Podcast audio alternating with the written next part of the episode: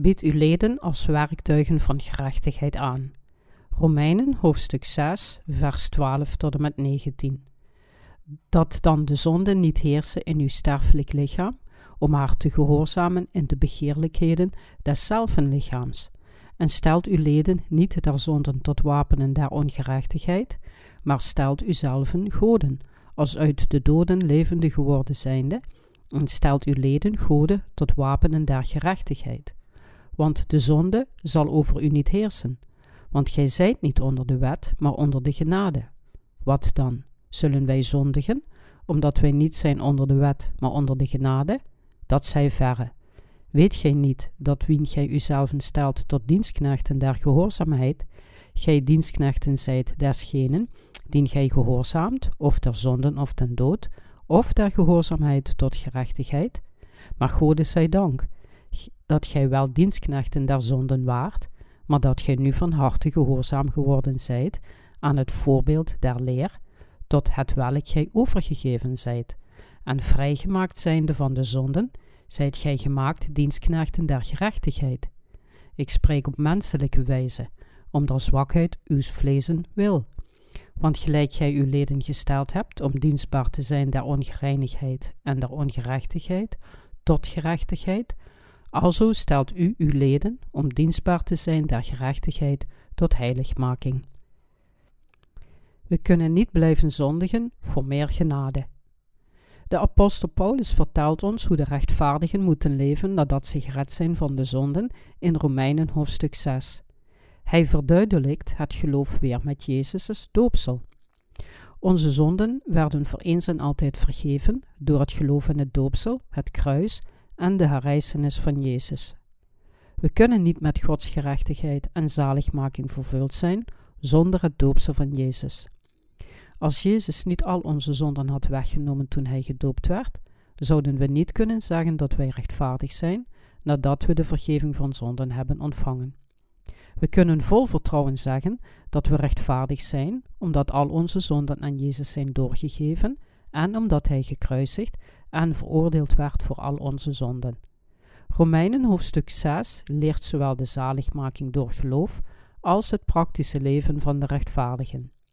Hij zegt: Wat zullen wij dan zeggen? Zullen wij in de zonden blijven, opdat de genade te meerder worden? Romeinen hoofdstuk 6, vers 1. Hij zegt in de vorige passages: Maar de wet is bovendien ingekomen, opdat de misdaad te meerder worden, en waar de zonde meerder geworden is, daar is de genade veel meer overvloedig geweest, opdat gelijk de zonde geheerst heeft tot den dood, alzo ook de genade zal heersen tot rechtvaardigheid, tot het eeuwige leven door Jezus Christus onze Heer. Romeinen hoofdstuk 5, vers 20 en 21. De zonden van de wereld kunnen Gods liefde en gerechtigheid niet overtreffen, hoe ernstig ze ook zijn. Onze zonden werden vergeven door Gods liefde en gerechtigheid door het geloof in het ware woord. De Bijbel zegt dat we niet kunnen blijven zondigen, opdat de genade overvloedig zal zijn, ook al hebben wij die in het vlees levende vergeving van al onze zonden ontvangen. Wij, die der zonden gestorven zijn, hoe zullen wij nog in dezelfde leven? Of weet gij niet dat zoveel als wij in Christus Jezus gedoopt zijn, wij in zijn dood gedoopt zijn? Wij zijn dan met hem begraven door den doop in den dood. Romeinen hoofdstuk 6, vers 2 tot en met 4. We zijn met Jezus begraven door het doopsel in de dood. Onze oude ego's werden met Jezus gekruisigd. Dit betekent dat we dood zijn voor de zonde. Al onze zonden zijn aan Jezus doorgegeven en Hij stierf voor ons in de plaats. Daarom is de dood van Jezus onze dood voor de zonden. Wij zijn dan met Hem begraven door den doop in den dood. Onze oude ik van vlees werd met Hem begraven door het doopsel in de dood. De Heer nam onze zonden op zich door zijn doopsel en hij stierf aan het kruis in de plaats van de zondaars. Hij was van nature zonder zonde. Hij nam echter alle zonden van de zondaars op zich en hij werd in hun plaats veroordeeld. Gelooft u dit? Hij zelf hoefde niet veroordeeld te worden, maar wij die zondaars waren, werden in hem veroordeeld, want we werden gedoopt in Jezus Christus. De apostel Paulus legt grote nadruk op het doopsel van Jezus. Wij prediken ook over het doopsel van Jezus. Het is niet verkeerd om vanuit een gelovig standpunt over zijn doopsel te prediken. Jezus nam de zonden van zondaars weg door zijn doopsel en hij stierf voor hen, net zoals een zondaard zonden doorgaf door het opleggen van handen op het hoofd van het zondeoffer en het te doden in het tijdperk van het Oude Testament. Johannes de Doper doopte Jezus, het lam van God. Hij nam alle zonden van de wereld op zich toen hij gedoopt werd als het zondeoffer. Daarom was zijn dood onze dood en de dood van alle gelovigen. Iedereen die gedoopt is in Jezus Christus, is met Jezus Christus begraven. Zij die niet gedoopt zijn in Jezus, kunnen niet gered worden, geloven, zichzelf niet ontkennen, noch de wereld overwinnen. Alleen iemand die in het doopsel van Jezus Christus gelooft, weet dat hij of zij in hem aan het kruis stierf. Deze persoon regeert en overwint de wereld en ontkent zichzelf. Hij of zij kan op Gods woord vertrouwen en erin geloven. Alleen diegenen die geloven in het doopsel van Jezus, de onmisbare methode voor hem, is om alle zonden van de wereld te dragen, ontvangen de vergeving van hun zonden, dat wil zeggen, zijn volmaakte zaligmaking. De kern van de zaligmaking door de vergeving van zonden is het doopsel aan het bloed van Jezus. Als Jezus niet de zonden van zondaars had weggenomen door zijn doopsel, zou zijn dood niets met onze zaligmaking te maken hebben gehad. De kern van de zaligmaking is het doopsel van Jezus. Alle zonden van de wereld werden aan Jezus doorgegeven toen Johannes de Doper hem doopte. We zijn met God gaan leven en wandelen in een nieuw leven. De apostel Paulus zegt: Wij zijn dan met hem begraven door den doop in den dood. Romeinen hoofdstuk 6, vers 4. Allen die in Jezus Christus werden gedoopt, hebben de verlossing door geloof, zijn met hem begraven en hebben nieuwe levens in hem. Dit is een geweldig geloof. Het geloof in zijn doopsel is het geloof dat op een vaste grond is gevestigd. Wij zijn dan met hem begraven door den doop in den dood, opdat gelijkerwijs Christus uit den doden opgewekt is tot de heerlijkheid des Vaders, alzo ook wij in nieuwigheid des levens wandelen zouden. Want indien wij met hem één plant geworden zijn in de gelijkmaking zijn doods, zo zullen wij het ook zijn in de gelijkmaking zijner opstanding. Romeinen hoofdstuk 6, vers 4 en 5. We kunnen verenigd zijn met God door het geloof in Jezus' doopsel. Zij die in Jezus Christus geloven, kunnen wandelen in het nieuwe leven. Onze oude ik, die bestond voordat we wedergeboren werden, stierf en we werden vernieuwd en we zijn nu in staat nieuwe werken te doen, op nieuwe manieren te leven en te leven door nieuwe geloven. Een wedergeboren persoon leeft niet volgens de oude levensstijl en manier van denken. De reden waarom we onze oude manieren van denken moeten ontkennen, is omdat onze oude ik met Jezus Christus aan het kruis stierf. 2 Korintiërs hoofdstuk 5 vers 17 verklaart, zodan iemand in Christus is, die is een nieuw schepsel.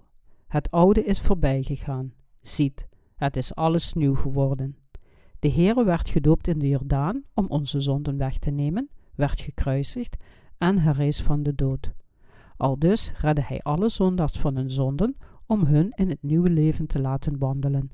Onze oude dingen, zoals ellende, hardheid, bitterheid, verwonde harten, zijn doorgegeven. Nu is ons nieuwe leven begonnen. Gered worden is het beginpunt van ons nieuwe leven. God zei tegen de mensen van Israël het pasja te houden nadat ze uit Egypte gevlucht waren en het land van Canaan waren binnengegaan. De uittocht uit Egypte symboliseert de redding van zonden. De Heere nu had tot Mozes en tot Aaron in Egypteland gesproken, zeggende: Dezezelfde maand zal uw lieden het hoofd der maanden zijn. Zij zal u de eerste van de maanden des jaars zijn. Spreekt tot de ganse vergadering van Israël, zeggende: Aan den tienden deze maand nemen een iegelijk in lam naar de huizen der vaderen, in lam voor een huis. Maar indien een huis te klein is voor een lam, zo nemen hij het en zijn nabuur, de naaste aan zijn huis, naar het getal der zielen, in iegelijk nadat hij eten kan. Gij zult rekening maken naar het lam. Gij zult een volkomen lam hebben, een mannenken, een jaar oud, van de schapen of van de geitenbokken zult gij het nemen. En gij zult het in bewaring hebben tot den veertiende dag deze maand. En de ganse gemeente der vergadering van Israël zal het slachten tussen twee avonden. En zij zullen van het bloed nemen en strijken het aan de beide zijposten en aan de bovendorpel, aan de huizen, in welken zij het eten zullen. En zij zullen het vlees eten in denzelfde nacht, aan het vuur gebraden, met ongezuurde broden. Zij zullen het met een bittere saus eten. Gij zult daarvan niet rauw eten, ook geenszins in water gezoden, maar aan het vuur gebraden, zijn hoofd met zijn schenkelen en met zijn ingewanden. Gij zult daarvan ook niet laten overblijven tot den morgen, maar hetgeen daarvan overblijft tot den morgen, zult gij met het vuur verbranden. Aldus nu zult gij het eten. Uw lenden zullen opgeschort zijn, uw schoenen aan uw voeten, en uw straf in uw hand. En ge zult het met haast eten. Het is des Heeren Pascha. Exodus hoofdstuk 12, vers 1 tot en met 11.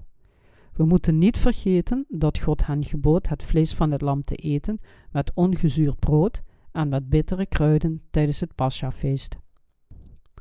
Er zullen veel bittere dingen komen nadat we van de zonden zijn gered. Bittere kruiden vertegenwoordigen het ontkennen van zichzelf. Het is zeker ontbering, maar we moeten niet vergeten dat we met Christus begraven zijn.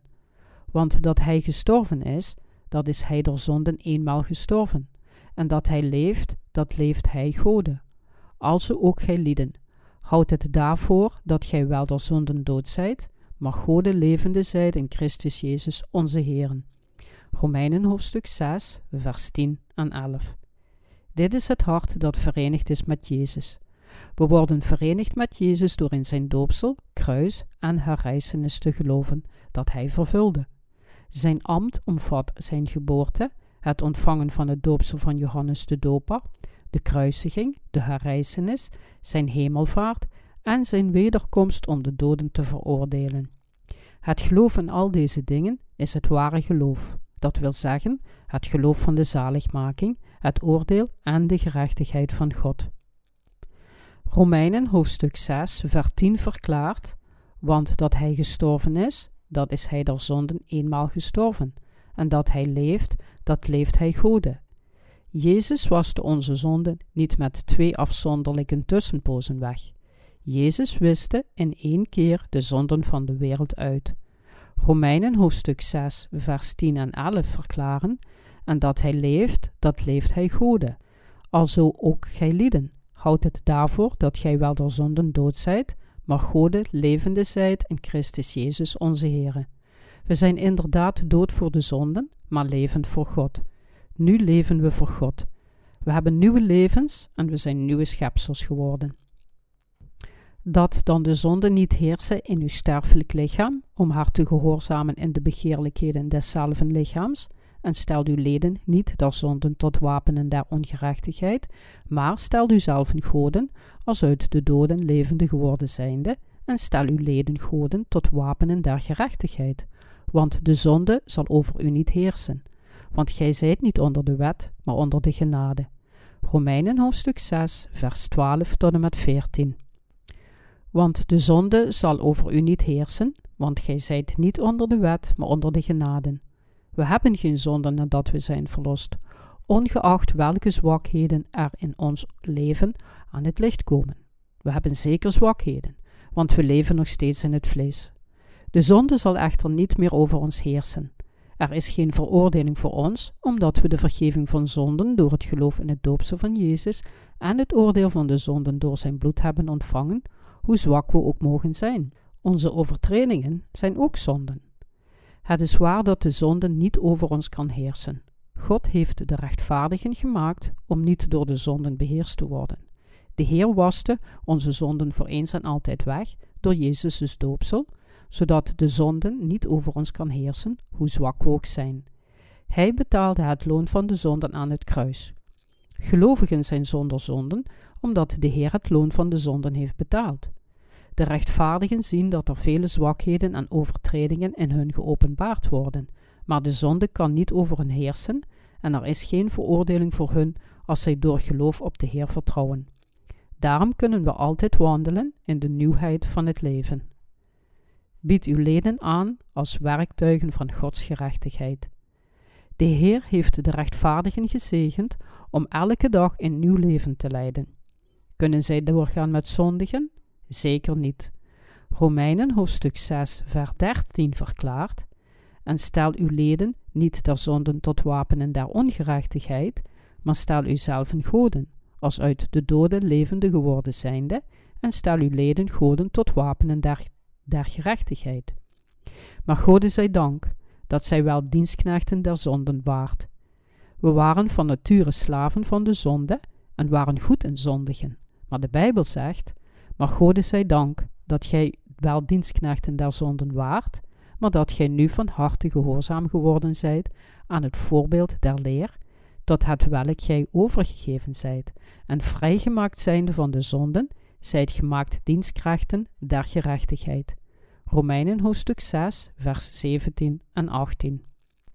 Wij die rechtvaardig zijn geworden, zijn verlost van de zonden en we worden de dienstknechten van Gods gerechtigheid, die rechtvaardig kunnen zijn door genade. We zijn volledig verlost van zonden en we zijn in staat om rechtvaardig te zijn. We zijn de rechtvaardigen die kunnen werken voor Zijn gerechtigheid. Maar wat moeten we doen met ons vlees nadat we de verlossing hebben ontvangen? Hoe moeten we ons met vlees gedragen nadat we zijn gered? De Bijbel zegt: Alzo stelt nu uw leden om dienstbaar te zijn der gerechtigheid tot heiligmaking. Romeinen hoofdstuk 6, vers 19. Wat doet het vlees als we van de zonden gered zijn? Het vlees valt gewoonlijk in zonde, zelfs als we geen zonde in ons hart hebben. Daarom kunnen we ontsnappen aan de zonden als we ons vlees aanbieden als dienstknechten van de gerechtigheid. Dit betekent ook dat we ons vlees aan rechtvaardige werken moeten aanbieden, omdat we rechtvaardig zijn gemaakt. We moeten onszelf oefenen in gelukzaligheid. Zijn we zondenloos, hoewel het vlees zo zwak is, nadat we gered zijn? Het is zeker dat zij die in het doopsel van Jezus, het kruis, de herrijzenis, de komst en het laatste oordeel van Jezus geloven, geen zonden hebben. Zij zijn zondenloos. We hoeven alleen ons vlees aan rechtvaardige werken aan te bieden en ons hart zal ook rechtvaardigheid willen werken. Maar het vlees is niet goed in het werken van zijn gerechtigheid. Dus verklaart 1 Timotheus, hoofdstuk 4, vers 7, maar verwerpt de ongoddelijke en oudwijfse fabelen en oefen uzelf tot godzaligheid. We moeten onszelf oefenen in godzaligheid. Het kan niet in een korte tijd gedaan worden. Als we evangelieboekjes aan andere mensen weggeven, kunnen we ons schamen als we bekende mensen ontmoeten. We zullen ze vermijden en eerst naar huis terugkeren omdat we ons schamen. Probeer het echte verschillende keren te doen, denkend: Mijn oude ik is al gestorven, en vat dan moed door te zeggen: U zult naar de hel gaan als u geen verlossing hebt. Dus neem dit boekje en lees het over het verkrijgen van de verlossing. Als u zo handelt, kunt u uw vlees aan de gerechtigheid aanbieden. Romeinen hoofdstuk 6 vertelt ons om onze leden als dienstknechten van gerechtigheid aan heiligheid aan te bieden. We moeten onze leden als dienstknechten van de gerechtigheid aanbieden. We moeten dit vaak oefenen. Het kan niet in één korte tijd gedaan worden. We moeten het keer op keer proberen. We zullen ontdekken hoe interessant het is om naar de kerk te gaan als we proberen naar de kerk te gaan. We moeten niet denken: ik geloof het, maar ik zou graag alles thuis willen geloven. Ik weet duidelijk wat mijn pastoor zal prediken. Zowel het vlees als het hart zouden in de kerk moeten zijn. Het geloof groeit alleen in het hart als we onze leden als de dienstknechten van gerechtigheid aanbieden. We moeten onze leden aanbieden aan het werk van de gerechtigheid. Begrijpt u wat ik zeg? We moeten onszelf niet weghouden van samenkomsten en van het ontmoeten van leiders. Als we naar de markt gaan, kunnen we beter de kerk binnengaan en de deur openen terwijl we zeggen: Ik kom even binnen op mijn weg naar de markt. Hoe gaat het? Vaak langskomen in de kerk is uw leden als een dienstknecht van gerechtigheid aan te bieden. Dan zal een leider zeggen: Zuster, laat me eens zien. Kunt u dit alstublieft even opruimen? Oké. En kom vanavond alstublieft nog eens terug. Waarvoor? We hebben vanavond een jeugdvriendenkring. Oké, ik zal vanavond terugkomen. We zijn druk bezig in de wereld. Maar waaraan moeten we ons vlees als eerste aanbieden als mensen van de wereld ons vragen om hun bijeenkomsten te bezoeken? We moeten onszelf aanbieden aan de kerk. We moeten de kerk bezoeken, ook al worden we gevraagd om met onze collega's te dineren. We moeten ons vlees niet in een restaurant laten zijn, hoewel ons hart in de kerk is. Als we ons vlees aan de wereld laten ontsnappen en het in de kerk laten zijn, zullen zowel ons vlees als ons hart zich op hun gemak voelen. Wat denkt u? Als uw vlees vaak op andere vleeselijke plekken komt, zult u tegen uw wil een vijand van God worden, ook al wil uw hart zich met de kerk verenigen. We moeten het vlees goed oefenen met de geest. We moeten ons vlees als de dienstknechten van gerechtigheid aanbieden, maar het betekent niet dat het vlees volmaakt is. We moeten onze leden keer op keer aan rechtvaardige werken aanbieden, hoewel ons vlees de neiging heeft te doen wat het wil. We gaan meestal een bekende weg. Het hangt ervan af wat we ons vlees als dienstknechten aanbieden. De apostel Paulus zegt: Bied uw leden als dienstknechten van gerechtigheid voor heiligheid aan. Bied uw leden als werktuigen van Gods gerechtigheid aan. Het hangt ervan af hoe u uw vlees stemt. Als u het vlees africht om te gaan drinken, zal het vlees automatisch gaan drinken. Als gevolg daarvan rent het vlees een bar in terwijl u in de kerk bent. Als u in een bar zit, voelt het hart pijn. Maar als u in de kerk zit, voelt het hart zich op zijn gemak, hoewel het vlees vol pijn is. Het vlees heeft ook een persoonlijkheid. Het vlees hangt af van hoe het door het hart wordt getemd. Het vlees zegt: Ik hou van alcohol, als we herhaaldelijk drinken. Maar het vlees zegt: Ik haat het als we niet drinken. Waarom? Omdat het vlees niet getemd is. Het hangt ervan af hoe we het vlees stemmen, ook al is het hart geheiligd. De Heilige Geest zorgt voor ons hart. De Heilige Geest houdt ons nog steeds vast, ook al zijn we buiten de kerk. We moeten het vlees echter aanbieden als de dienstknechten van gerechtigheid voor heiligheid. Dus ga toch maar keer op keer naar de kerk. Diegenen die gered zijn, moeten zichzelf oefenen in godzaligheid. De Bijbel zegt ons het woord van God te gehoorzamen en ons erdoor te laten leiden. De reden waarom we ons door het woord van God moeten laten leiden, is omdat we altijd graag doen wat het vlees wil, denkend dat ons vlees van ons is. Omdat we gaan winkelen, dansen en drinken zoals het ons uitkomt, is het moeilijk voor ons om in de kerk te zitten en ons te concentreren op de aanbiddingsdienst. Dus een leider moet ons leiden. Gaat u hier zitten en luister naar het woord van God. Oké. We moeten geduld hebben. Hoewel we ons vervelen als we een preek horen en denken: ik moet hier geduldig zitten. Waarom ben ik zo verveeld, terwijl ik drie uur in een café kan zitten? Waarom kan ik hier niet eens een uur blijven zitten? Er is nog maar één uur verstreken sinds ik de preek gehoord heb. Ik heb vijf uur in een café gedronken en zelfs twintig uur poker gespeeld zonder pauze. Het hangt allemaal van het temmen van het vlees af. Het vlees dat gewoonlijk in de kerk zit, haat het om naar het café te gaan. Maar voor een persoon die goed getemd is in het drinken, is het zitten in de kerk een hel. Ik wil dat u het verschillende dagen volhoudt en dan zult u het leren vol te houden. Het is erg moeilijk totdat u uw vlees getemd heeft. We moeten onze tijd in de kerk doorbrengen als we andere dingen met onze tijd willen doen. We brengen onze tijd in de kerk door terwijl we met de leiders, broeders en zusters praten om getemd te worden. Ik voel me zo op mijn gemak in de kerk. Er is niets dat me daar verleidt. Als ik echter over de straat loop, zijn er veel dingen die me verleiden. Er zijn veel verleidingen, zoals kleren in de etalages van kledingswinkels. Het duurt twee uur voordat ik thuis ben, als ik naar alle dingen kijk die ik wil zien, en ik zal uiteindelijk verdwalen. Ik ga naar iets vreemds kijken als er iets vreemds te zien is. Later realiseer ik me: wanneer zal ik thuiskomen? Ik wil dat iemand me naar huis leidt. Wandel daarom niet van de ene plek naar de andere op weg naar huis. We moeten meteen naar huis gaan naar de aanbiddingsdiensten door de kerkbus te nemen en rechtstreeks naar uw bestemming te gaan. Als u denkt: kom me niet ophalen om naar de kerk te gaan, ik zal alleen naar de kerk gaan. Ik heb twee sterke benen. Dus er is geen reden om met de kerkbus naar de kerk te gaan. zult u verdwalen door verleid te worden. U zou dankbaar moeten zijn dat u met de bus naar de kerk kunt gaan en weer naar huis zo gauw de dienst is afgelopen, zodat u zich geen zorgen hoeft te maken over nutteloze dingen. U kunt veel beter de Bijbel lezen, gebeden aanbieden en naar bed gaan zo gauw u thuis komt. Het zou voor u beter zijn om zo te leven.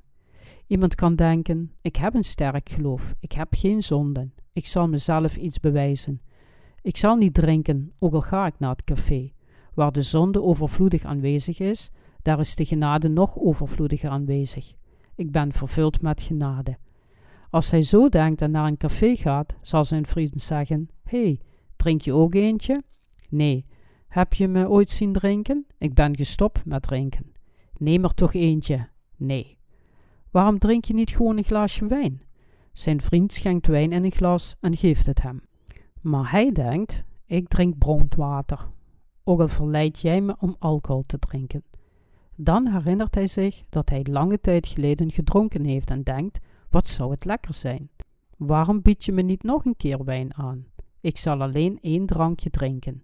Hij drinkt snel bronwater. Dan merkt zijn vriend dat hij wil drinken en schenkt snel wijn in het lege glas. Het is mild, je zult het drinken als een cocktail. Nee, ik zou het niet moeten doen.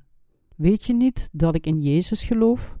Hij drinkt echter uiteindelijk het glas alcohol en zijn vriend weet dat hij goed drinkt. Drink alleen vandaag. Oké, ik drink vandaag. Maar jij zou ook in Jezus moeten geloven, oké? Ik heb geen zonden terwijl ik drink. Maar jij hebt zonden. Je zult gered moeten worden van je zonden. Het belangrijkste ding is waar we het vlees aan overgeven. Menselijke wezens zijn zo. Ze zijn niets bijzonders. Het belangrijkste is waar we het vlees aanbieden. Bied uw leden aan als dienstknechten van gerechtigheid voor heiligheid. Stel uw vlees voor aan heiligheid, want het vlees is niet heilig. Ik gebruik de drinken hier als voorbeeld, maar andere dingen zijn hetzelfde als dit. Het hangt ervan af hoe we ons vlees stemmen. We worden door geloof in één adem gered en het is voor eeuwig. Maar de godzaligheid van ons hart en vlees hangt af van waar we ons vlees aanbieden. We voelen dat het hart ook vies wordt als we ons vlees vies maken, ondanks dat ons hart rein is.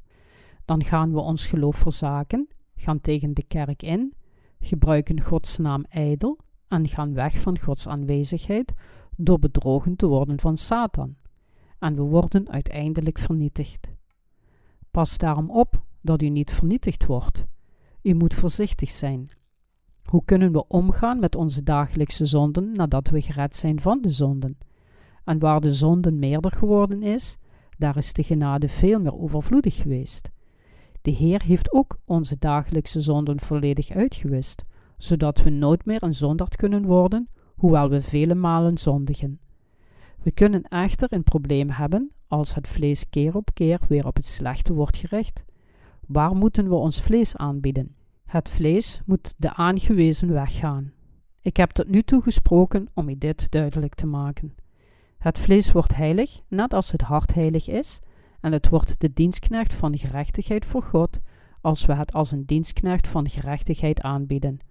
We moeten ons leven op de kerk richten, nadat we gered zijn, als we niet weten hoe we moeten leven nadat we gered zijn. De Bijbel zegt dat de kerk als een herberg is. We drinken water, eten geestelijk voedsel en we verblijven in vriendschap, net zoals we met elkaar zouden drinken en praten in een herberg. De kerk is hetzelfde als een herberg. We verblijven in vriendschap en praten met elkaar in de kerk, dus moeten we toch altijd naar de kerk gaan. Een persoon die normaal naar de kerk gaat, wordt een geestelijk persoon. En iemand die dat niet doet, kan niet in de geest wandelen, hoe groot zijn of haar geloof ook voorheen is geweest. De persoon die gewoonlijk naar de kerk komt, bloedt vanzelf geestelijk, hoe zwak hij of zij ook is. Dit komt door de geestelijke vriendschap na de ontvangst van de verlossing. Er is geen andere plaats dan de kerk voor ons om in te verblijven. Ik wil dat u zo vaak naar Gods kerk komt als u kunt en verblijft in vriendschap met zijn volk. Kom eens langs bij de kerk, ga naar iedere aanbiddingsdienst, Luister naar Gods woord en overleg met de kerkleiders in alles wat u wilt gaan doen. We moeten ons leven op Gods woord richten en ons verzamelen. Dan kunnen we zonder falen succes hebben in ons leven van geloof. We kunnen waardevol gebruikt worden door de Heer en gezegend worden. Ik wil dat u uw vlees en uw hart als werktuigen van gerechtigheid aan God aanbiedt.